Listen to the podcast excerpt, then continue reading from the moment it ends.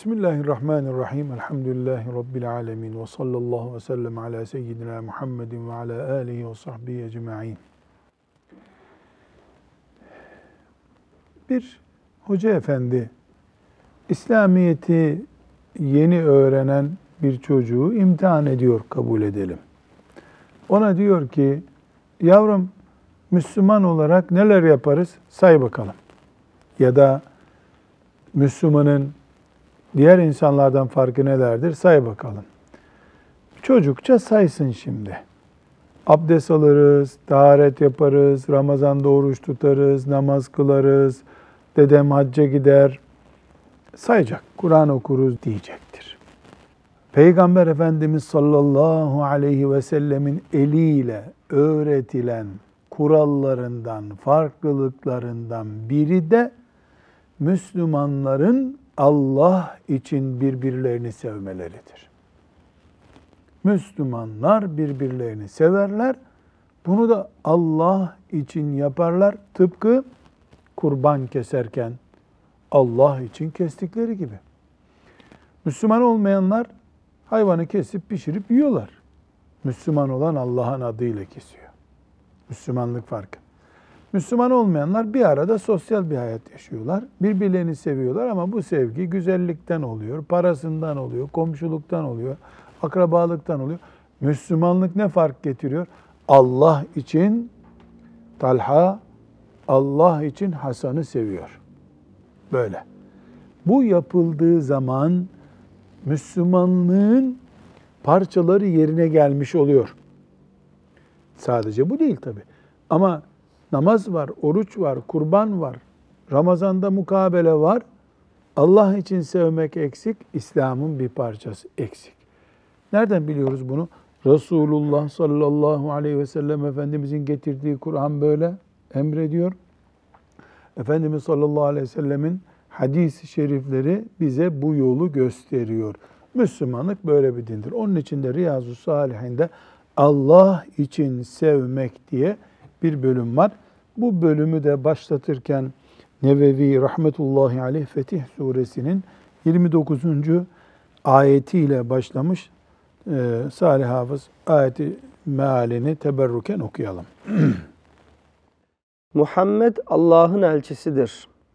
Onunla beraber bulunanlar kafirlere karşı çok şiddetli ve metin, kendi aralarında pek yumuşak ve gayet merhametlidirler. Yani Müslümanların Resulullah sallallahu aleyhi ve sellemle beraber olanların özelliği kafirlere karşı güçlü ama kendi aralarında merhametlidirler. Onları rükû ve secde ederken Allah'tan lütfunu ve hoşnutluğunu dilerken görürsün. Simaları yüzlerindeki secde izinden bellidir. Müslümanlıkları yüzlerinden okunur demek. İşte bu onların Tevrat'ta anlatılan vasıflarıdır. İncil'deki vasıfları da şöyledir. Yani önceki kitaplar da ümmeti Muhammed'in bu büyük adamlarını yazmış demek ki.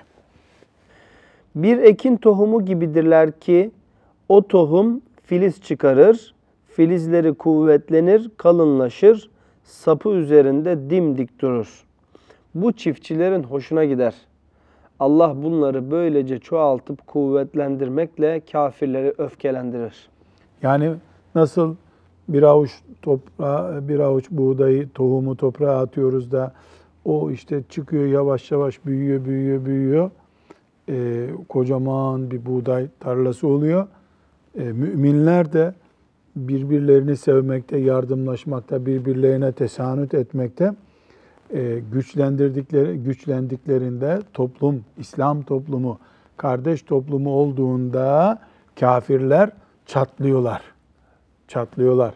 Çünkü onlar Müslümanları parça parça birbirlerine nefret eder kimseler olarak görmek istiyorlar. Allahu Teala ise müminlere kardeş olun buyuruyor. Müminler kardeşliklerini icra edince başta iblis en büyük kafir olmak üzere kafirler çatlıyorlar.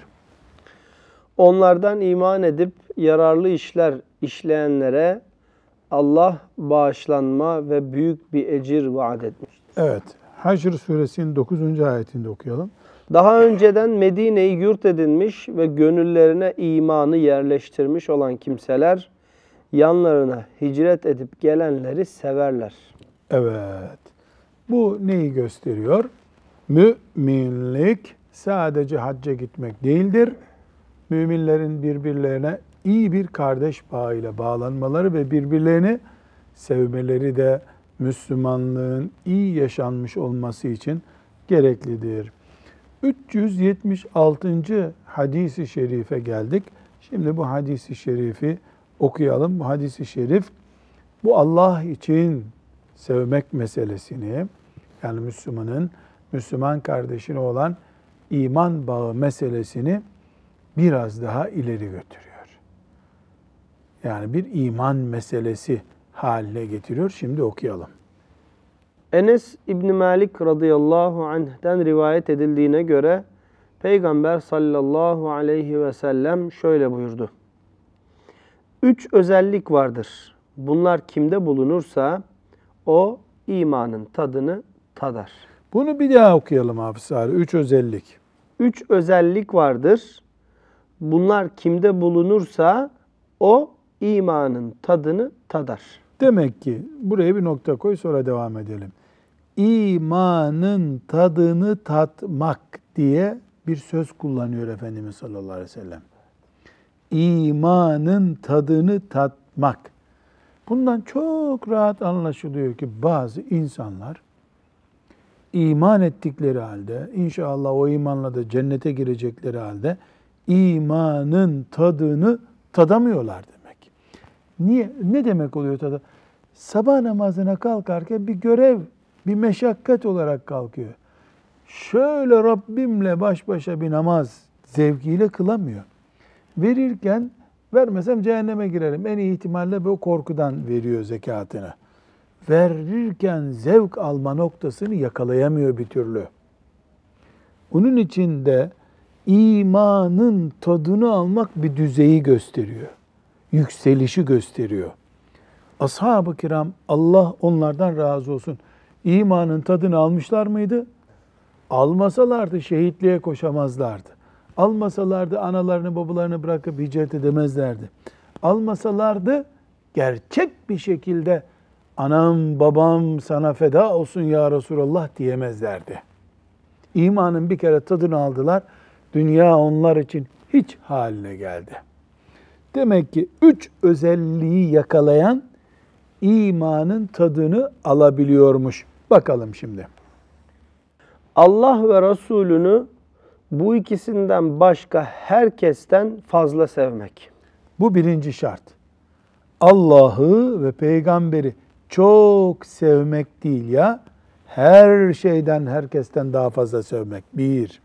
Sevdiğini Allah için sevmek. İki, bu hadis burada bunun için var zaten. Bir insanı seviyorsa o sevginin temelinde Allah rızası olacak. İki, Allah kendisini küfür bataklığından kurtardıktan sonra tekrar küfre dönmeyi ateşe atılmak gibi çirkin ve tehlikeli görmek. İşte bu dananın kuyruğu diyorlar ya. Demek ki Müslümanın kafirden kafir diye nefret ettiği gibi bir gün kafir olmak tehlikesinden de korkması lazım. Ateşe düşmek nasıl onu ürkütüyorsa ateşe düşenirim, yanarım diye biz buna elektrik çarpması diyelim şimdi. Elektrik çarpar diye nasıl korkuyorsa aman Allah'ım ben bir gün kafir olurum maazallah korkusu onu uykusuz bırakmalı. Üç şeyi tekrar sayalım. Allah'ı ve peygamberi herkesten daha fazla sevmek. İnsanları, mümin kardeşleri severken sadece Allah rızası için sevmek. Ve küfre düşmekten, yani kafir olmak tehlikesinden, ateşe düşmek tehlikesinden korktuğu gibi korkmak. Bunlar kimde varsa imanın tadını alır. Bir insan imanın tadını aldı mı, o dünyada yaşarken cennetteki gibi yaşar zaten. Tadını almayan da ne kadar rahat ederse etsin kalbinde huzur olmaz. Ayet-el Kürsi'yi okuduğunda o bir rahatlık hissetmez. Öbür mümin de Ayet-el Kürsi'yi okuduğunda kendisini Kur'an bahçesinde hisseder. Misal yani, misal. Bu hadisi şerif yani 376. hadis-i şerifi Riyazu Salihin'in bize hakikatler öğretiyor. Bu hakikatlerin birincisi ne? Demek ki Müslümanın bir insanı o insanın dininden ve dindarlığından oluşan kardeşliği nedeniyle sevmesi diye bir iş var. Din bağı, din beraberliği bir sevgi oluşturuyor. Irk ölçüsünü aşıyorsun. Coğrafyayı aşıyorsun. Maddi menfaat bağlarını aşıyorsun. Allah var ortada. Aynı Allah'ın kullarıyız. Aynı Allah'a ibadet ediyoruz diye mümin kardeşini sevmek var. Bizim peygamberleri sevmemizin mantığı da buradan kaynaklanıyor. Çünkü en dindar peygamberler. Biz de aynı Allah'ın kullarıyız. Aynı Allah'a iman ettik. Musa Aleyhisselam'ı bunun için seviyoruz biz. Salih Aleyhisselam'ı bunun için seviyoruz. Lut Aleyhisselam'ı bunun için seviyoruz. Çünkü din Davud Aleyhisselam'la, Süleyman Aleyhisselam'la, İbrahim Aleyhisselam'la bizi bir çatı altında tutuyor. Onların dindarlığı da yüzde yüz kesin bir dindarlık olunca onlara sevgimiz de kesin oluyor. Aynı şekilde evliyayı niye seviyoruz? Kara kaşlarına hayran olduğumuzdan değil. Allah'ın salih kullarını, sıddık ve şehit kullarını niye seviyoruz biz? E, mesele din meselesi. Onlar da dinde ileri gitmiş kimseler. Dolayısıyla onlara karşı bir sevgimiz var. İki mümin kardeşle bir araya geldiğindeki sevgimizin temelinde de yine bu gerçek yatıyor. Yine bir hakikat daha bu hadis-i şeriften öğreniyoruz. Notlarımız arasına ilave ediyoruz. Nedir o? Şimdi bu sevgiyi Allah'tan, peygamberden söz ederken en öndeki sevginin sahibi onlar diyoruz. Eşini geçiyor, çocuklarını geçiyor, arkadaşını geçiyor, e, dostlarını geçiyor, herkesi geçiyor. Herkesi geçiyor. Bir insanı kendi ırkından, akrabandan, işte aynı takımını tuttuğundan vesaire vesaire sebeplerden sevenler var. Bir de bütün bu sevgi çeşitlerini bir kenara koyup Allah için sadece sevenler var. Demek ki imanın tadını almanın altyapısında şehvetleri, sempatileri bırakıp Allah'ı öne geçirmek var. Şehvetleri yani şehvet dediğimiz cinsellik manasına değil, iç arzularımızı şöyle bir dizginleyemediğimiz zaman Allah'ın rızasını öne nasıl geçireceksin? En temel prensip o zaman Allah'ın rızasını öne geçirebilmek için arzu ve isteklerimizi, şehvetlerimizi, beğenilerimizi geri bir puan geri taşımamız gerekiyor. Burada bu hadis-i şeriften öğrendiğimiz e, en önemli hakikatlerden birisi de sadece Allah'ı sevmek yetmiyormuş. Allah'ı sevmeyenleri de sevmemek gerekiyor demek ki. Yoksa insan kendi kendisiyle çelişir. Nasıl çelişir? Yani Allah'ı seviyorsun, kalbine yerleştirdin. Onun düşmanı var, kafir. Onu da seviyorsun. E ikisini aynı kalpte nasıl tutacaksın? Tutamazsın. O zaman yani hem Allah'ı seviyorum hem de Allah'ın düşmanlarını seviyorum. Kafirleri, kafirlerden birini seviyorum diyebildiği zaman insan aslında sadece kafirleri seviyor. Allahu Teala'yı sevemez bir daha. Allah o kalbe girmez çünkü. Düşmanı ile bir kalp beraber bir kalbe girmez Allahu Teala. Bunun için şey mi söyleyeceğim hocam? Yani gençleri bu konu konuştuğumuz vakitte hemen şöyle bir soru geliyor da yani bu konunun tam aydınlanması için soracaktım da. Mesela bir futbolcu diyor ben onun golcülüğünü seviyorum diyor işte veya e, birisinin sesini seviyorum diyor. E, yani o zaman da yine e, bahsettiğiniz konuya giriyor mu? Hayır girmiyor. Allah'ı sevmek Celle Celaluhu başka hiçbir şeyi sevmemek demek değildir. İnsan eşini, çocuklarını, babasını, annesini sever. Allah'ın adını ezebilecek şekilde sevmek yasak. Namaz saati de gol seyretmek yasak. Anneye babaya hizmeti, onların gönül rızasını bırakıp futbol seyretmeye gitmek yasak. Yoksa insanın içinde binlerce sevgi çeşidi olur. Allah sevgisi her şeyi silip süpürdüğü zaman bir sıkıntı yok. Bunun ortalamasını şöyle bulabiliriz. Yani insan Allah için sever, Allah için nefret eder. Allah'ın sevdiğini sever, Allah'ın sevmediğini sevmez. Allahu Teala'nın düşmanı olana düşman olur, dostu olana dost olur. Böylece bir sorun olmaz. Ama hem Allah'ı seviyorum hem düşmanlarına yer veriyorum ve bu yer verdiğimde ciddi bir ağırlık tutuyor. Bunda sıkıntı olur. Allah'ı sevmeyi e, test edelim. Yani çünkü laf olarak hep seviyoruz da. Tamam Allahu Teala'yı test edelim. Ne kadar seviyoruz Allah'ı? Mümkün mü? Mümkün. Çok mümkün mü? Çok mümkün hem de. Nasıl mümkün? Allah sevgisinin iddia üzerinde kalmasını istemiyor bizden. İspat edilmiş sevgi istiyor. İspat edilmiş sevgi nedir? Farzlar ve mubahlar düzeyinde, nafileler düzeyinde hatta diyebiliriz. Eğer bir kul Allah farz etti diye namaz vesaire bütün farzları yerine getiriyorsa farz düzeyinde Allah'ı seviyordur. Nafilelerde de çalışıyorsa o nafilelerde çalıştığı kadar da Allah sevgisinde yol almış demektir. Bunu nereden çıkardım Salih Hoca?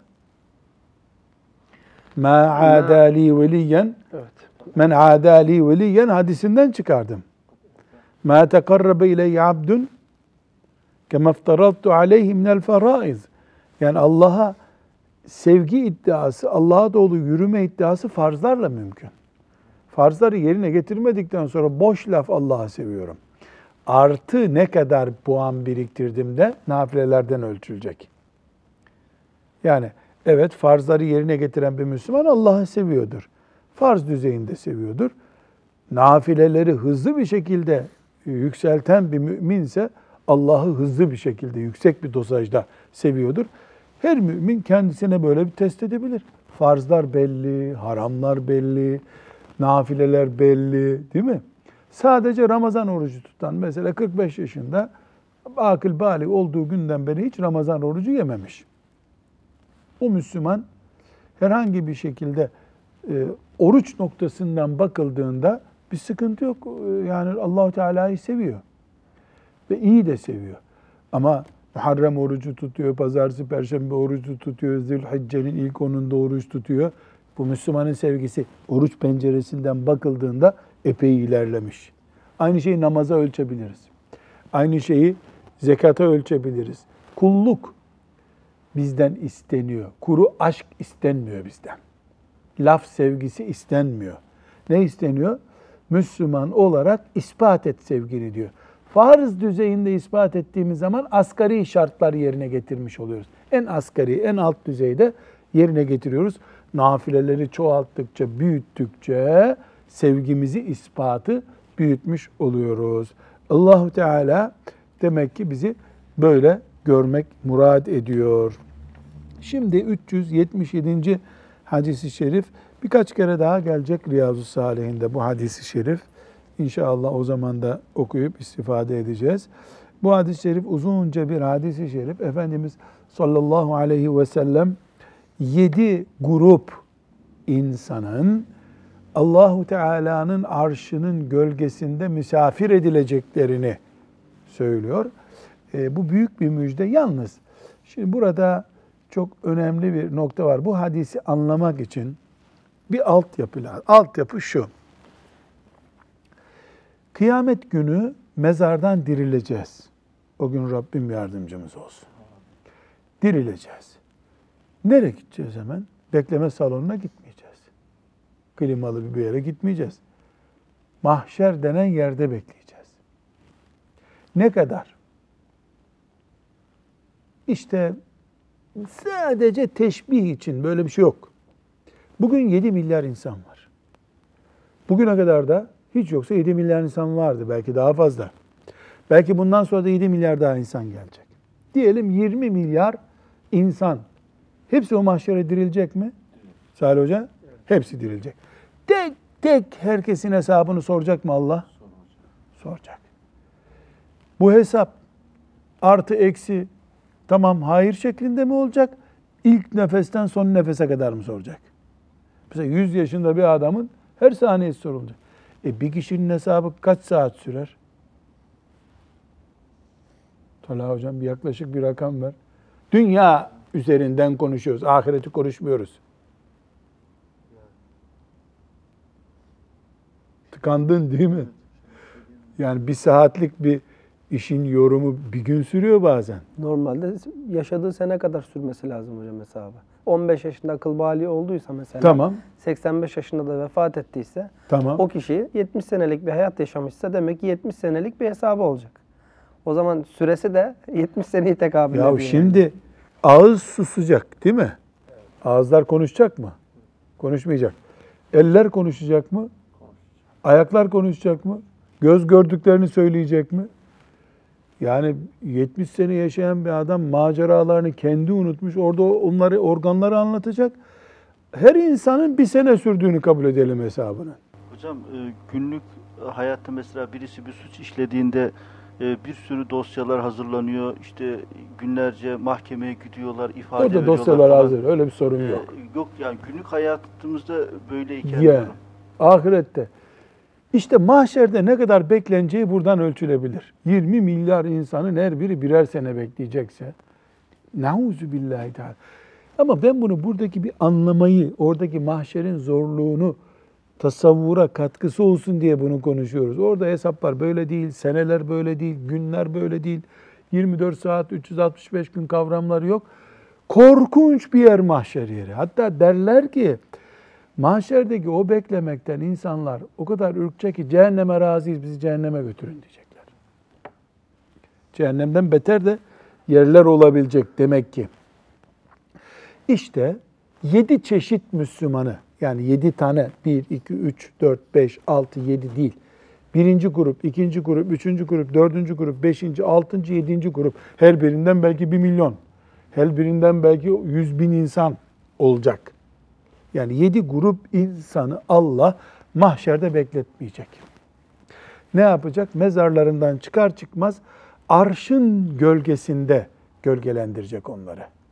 Orada bekleyecekler. Neyi bekleyecekler? Efendimiz sallallahu aleyhi ve sellemin cennetin kapısını açıp ümmetine şefaat edip Efendimizin cennete girmesiyle cennete inşallah teala girişlerin başlamasını bekleyecekler. Herkes bekliyor ama biri mahşerdeki o güneşin kafalardan kaynattığı zamanı bekliyor. Zamanda bekliyor. Öbürü de arşın gölgesinde bekliyor. Arşın gölgesi dedik. Arş ne belki?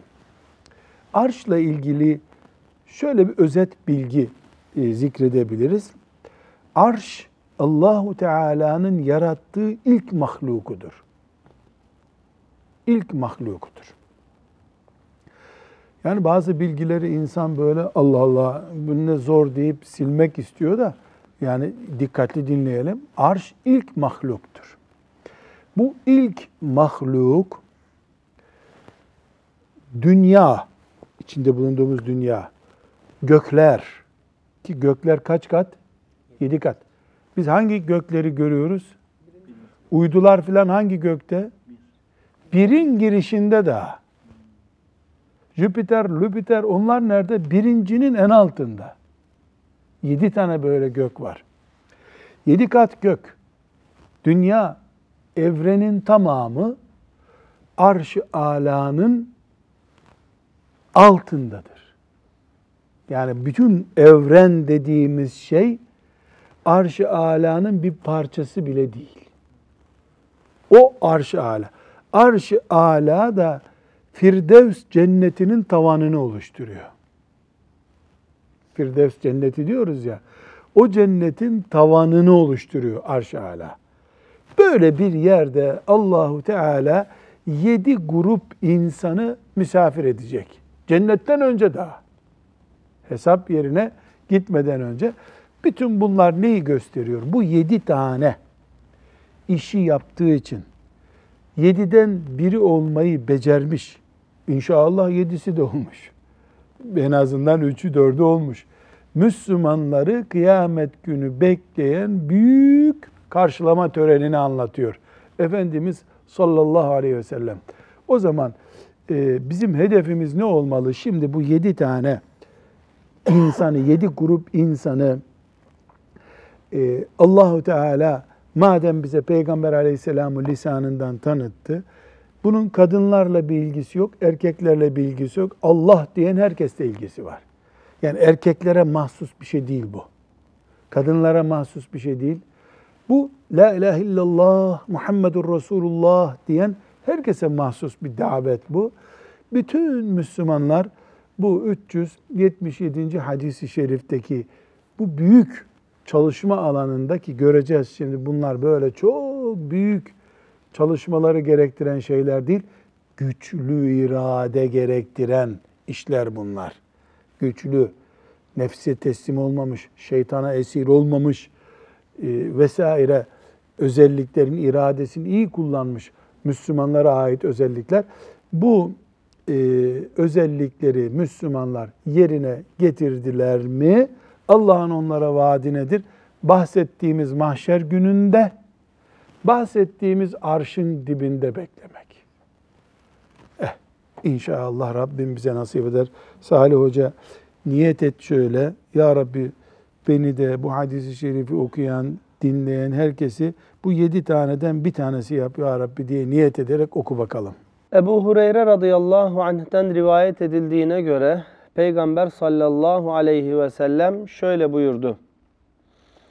Başka bir gölgenin bulunmadığı kıyamet gününde Allah Teala yedi insanı arşının gölgesinde barındıracaktır. Evet, yedi insanı Allah arşın gölgesinde barındıracak. Bir, Adil devlet başkanı, devletin başına geçmiş, İslam devletinin tabi ve adaletle hükmediyor. Kim gibi?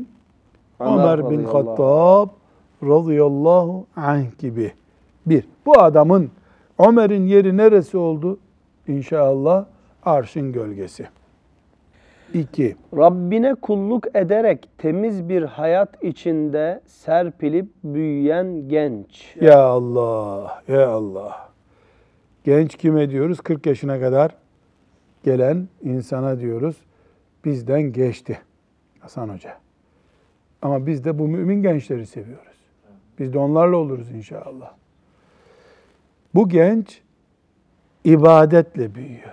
Haramlardan uzak. Ve gençliğini 40 yaşına geldiği zamana kadar ne kıza bulaşmış, erkeğe bulaşmış, ne harama bulaşmış, ne alkole bulaşmış. Anası babası bir öf dememiş onun için. ibadetini yapmış. 16 yaşında camiye gidiyor. 18 yaşında sabah namazı kaçırmıyor camide. Ya Allah. Ömer bin Hattab radıyallahu anh'ın yanında. Beraberler. Arşın gölgesinde. Üç. Kalbi mescitlere bağlı Müslüman. Bu ne demek? Kalbi mescide bağlı. İnsan devamlı mescitte durmaz. İşi var, gücü var insanların. Rızık temin. Ama o en önemli adres olarak mescidi buluyor. Mesela filanca Müslüman, zengin adam, ya görüşmek istiyoruz, nereden randevu alalım dendiğinde, o herhangi bir namaza git, o mahalle camisindedir. Muhakkak oradadır. Dedirtebiliyorsa o Müslüman, Yahut da aradık camide yoktu. Ölmüştür muhakkak. Yoksa o gelirdi camiye. Veya sıla rahime gitmiştir. Yarın gelir muhakkak. Yani cami adamı. Cami adamı. Ya Rab bu ne büyük meziyet. Dört. Birbirlerini Allah için sevip buluşmaları da ayrılmaları da Allah için olan iki insan. Bu işte buraya bu hadis-i şerif bunun için geldi. İki mümin. İki mümin bir araya geliyorlarsa Allah rızası. Dağılalım diyorlarsa zaten camiye gidiyorlar onun için dağılıyorlar. Allah için yapışıp Allah için ayrılıyorlar. Bu Müslümanlar da kaçıncı oluyor? Dört. Beş. Güzel ve mevki sahibi bir kadının beraber olma isteğine ben Allah'tan korkarım. diye yaklaşmayan yiğit. Ya Allah. Oh oh. oh. Bu yiğit adam. Neden değerli? Çünkü normalde erkek kadına kötülük teklif eder. Bu sefer forsu var, parası var, şöhreti var, güzelliği var. Kadın teklif ediyor kötülüğü. E bu ne demek? Zaten erkek böyle bir şeye meyyaldi. Kadın teklif edince ekstradan olacak bu ama Allah korkusu öne geçiyor. Ben Allah'tan korkarım diyor. Kaç etti? Beş. Bu kim? Ömer bin Hattab radıyallahu anh'ın sağında oturacak adam. Arşın gölgesinde. Kıyamet günü. Cealenallahu minhum. Devam. Altı. Sağ elinin verdiğini sol elinin bilemeyeceği kadar gizli sadaka veren kimse. Her sadaka veren sevap kazanıyor. Ve cennette karşılığını alacak. Ama bir de bir sadaka veren adam var ki sağ eliyle veriyor, sol elinin haberi yok sadakadan. Böyle bir şey mecazi tabii bu. Ne demek? Hanımının bile haberi yok demek. Adam cami yaptırmış, hanımının haberi yok. Beş tane yetime bakıyor. Kendi babası, anası, hanımı, çocukları bilmiyor o yetime baktıklarını. Bir Müslüman bir yere bir çeşme yaptırsa, üstüne de yazsa bu filancanın hayratıdır dese bunda bir günah yok. Ama arşın gölgesine gidecek adam o ismi yazdırmaz oraya. Allah bilsin gerisi bilmese de olur der. Bu da altıncı Ömer bin Hattab'la beraber radıyallahu anh oturacak Müslüman. Yediğim Tenhada Allah'ı anıp gözyaşı döken kişi. Evet tenha ne demek? Kimsenin olmadığı yer. Kimse yok. Gece ıssız. E, şimdi Kabe'yi tavaf ediyoruz. 200 tane, 300 tane hacıyız orada. E, bizi tavaf ettiren e, rehberimiz heyecanlı dua yaptı. Uhud şehitlerine gittik ziyarete. Orada Uhud şehitleri Hamza'nın şehadeti, Musab şehadeti radıyallahu anhuma anılınca insan duygulandı. Herkes ağladı. Gülecek halin yok. Sen de ağlıyorsun orada zaten. Suç mu? Yok. Fazilet mi? Fazilet. Ama bir gün herkes içeride film seyrediyor. Sen oturuyorsun. Ah Musab bu dünyayı nasıl bıraktın gittin biz ne hallerde yaşıyoruz diyorsun. Abdest alıyorsun. iki rekat namaz kılıyorsun. Sanki Musab'la onun o kefensiz bedeniyle berabermişin gibi kendini yakın hissediyorsun. Veya başka bir sebep işte neyse artık. Allahu Teala ile baş başa olduğun e, çok böyle maddi etkenlerin seni etkilemediği yani mikrodalgaların sana taarruz etmediği bir ortamda ve böyle uyduruk bir şey de değil gözyaşı akıtıyorsun. Gözyaşı akıtıyorsun. Gözyaşının astronomik bir değeri var. Nedir o? Arşın gölgesidir. Demek ki şimdi bu 377. hadisi şerif 7 hedef koyuyor Müslümanların önüne. Ey ümmeti Muhammed! Tamam, la ilahe illallah, Muhammedur Resulullah dediniz. Fakat sizin bir de kalite yarışınız var.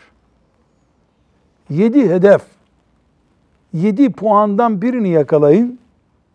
Kaliteli olun. Adalet. Takva ile büyümüş genç. Mescide kilitlenmiş Müslüman. Allah için birbirini sevenler. Harama karşı kilitlenmiş Müslüman. Gizli sadaka veren Müslüman ve Allah korkusundan gözyaşı akıtan Müslüman. Siz hedefi yakalamış Müslümansınız. Demek istiyor bu mübarek hadisi şerif. Ama elbette bunu yapamadık diye cennete girmeyeceğiz tehdidi yok. Sallallahu aleyhi ve sellem Efendimizin. Ama tek bir sevabın arandığı bir zamanda tek bir sevap değil arşı buluyorsun. Bu da Bu yedi özellikten birinden ortaya çıkıyor muhakkak. Şimdi şöyle bir şey diyebiliriz. Ömer radıyallahu anh bunların hangisinden öne geçemezdi acaba? Belli ki hepsini. Yedisinden de geçti. Ebu Bekir geçti. Osman, Ali, Zübeyir. Yedisini de yakaladılar. Ama Efendimiz sallallahu aleyhi ve sellem bu yedisinde de başarılı olanlar demiyor. Bir tanesini yakalayın yeter size diyor. Neden? Çünkü bunun birini yakaladın öbürlerinde de fena değilsin demektir. Salih Hoca şimdi bu gençler üniversite imtihanına çalışıyor ya mesela matematik soruları, Türkçe soruları bir tanesinden sıfır çekse Türkçeden Türkiye birincisi olma ihtimali var mı? Yok. Yok. Bir yer belki kazanacak. E, ama Türkiye birincisi veya üçüncüsü olmuştur. Matematikten olmuştur. Türkçesinden de bir iki tane soru kaybetmiştir en fazla. Öyle olabilir değil mi? Hah, bu örnek buraya oturuyor mu şimdi? Yani üniversite imtihanında çalışanlar anlar da bu yaşlılar olarak biz anlamayabiliriz bunu. Rabbim ümmeti Muhammed olarak bu hedeflerin peşinde koşmayı hepimize müyesser etsin. 378. hadisi şerif bu manaları zihnimizde çağrıştıracak bir hadis-i şerif. Onu da okuyalım. İnşallah o murada yaklaşmak maksadıyla. Ebu Hureyre radıyallahu anh'ten rivayet edildiğine göre Resulullah sallallahu, Sallallahu aleyhi ve aleyhi ve sellem şöyle buyurdu. Hiç şüphesiz Allah Teala kıyamet günü şöyle buyurur. Nerede benim rızam için birbirini sevenler? Nerede benim rızam için birbirini sevenler, hacılar, hacı efendiler, hafızlar der gibi bir şey bu. Demek ki böyle bir sınıf var bu ümmetin içinde. Meziyetleri nasıl? Hafız efendiler gelin deniyor. Mekkeliler gelin deniyor. Birbirini sevenler Allah için gelin bizzat kim diyecek? Allah Celle Celaluhu buyuracak. Nerede benim rızam için birbirini sevenler? Gölgemden başka gölgenin bulunmadığı bugün onları kendi arşımın gölgesinde gölgelendireceğim. İnşallah. Bu ne demek? Ne demek? Yani o gün arşın gölgesi inşallah onlar için garanti. Bir küçük soru sorabiliriz. Bu adamlar filan sene bir günah işlemişse ne olacak peki? Filan namaz kazasından bir tanesini becerim, becerip tövbe edip kaza etmediyse ne olacak? Gösteriyor ki bu işaret bu davetiyenin özel numarayla çağrılıyor ya. Onları hep affedecek Allah. O anlaşılıyor bundan. Yoksa arşın gölgesinde ne işin var? Mezardan kalktın, ayakta durdun da bir de arşın gölgesinde mi gideceksin? Demek ki toplu bir mağfiret görecek bu işi yapanlar. Gel de sen şimdi mümin kardeşliği basit bir konu gör. Gel de sen Allah için sır kalmış bir sadaka vermeyi basit gör. Nasıl basit göreceksin? Çok dua etmek lazım. Ve Talha hocam sürekli şunu söylüyorum. Müslüman nesle abdesti, tahareti, teyemmümü öğretirken bu din abdest gibi mümin müminin kardeşidir diye de bir kuralı var. Haberiniz olsun demek lazım. Abdestini bozmadığın gibi mümin kardeşliğini de bozmayacaksın.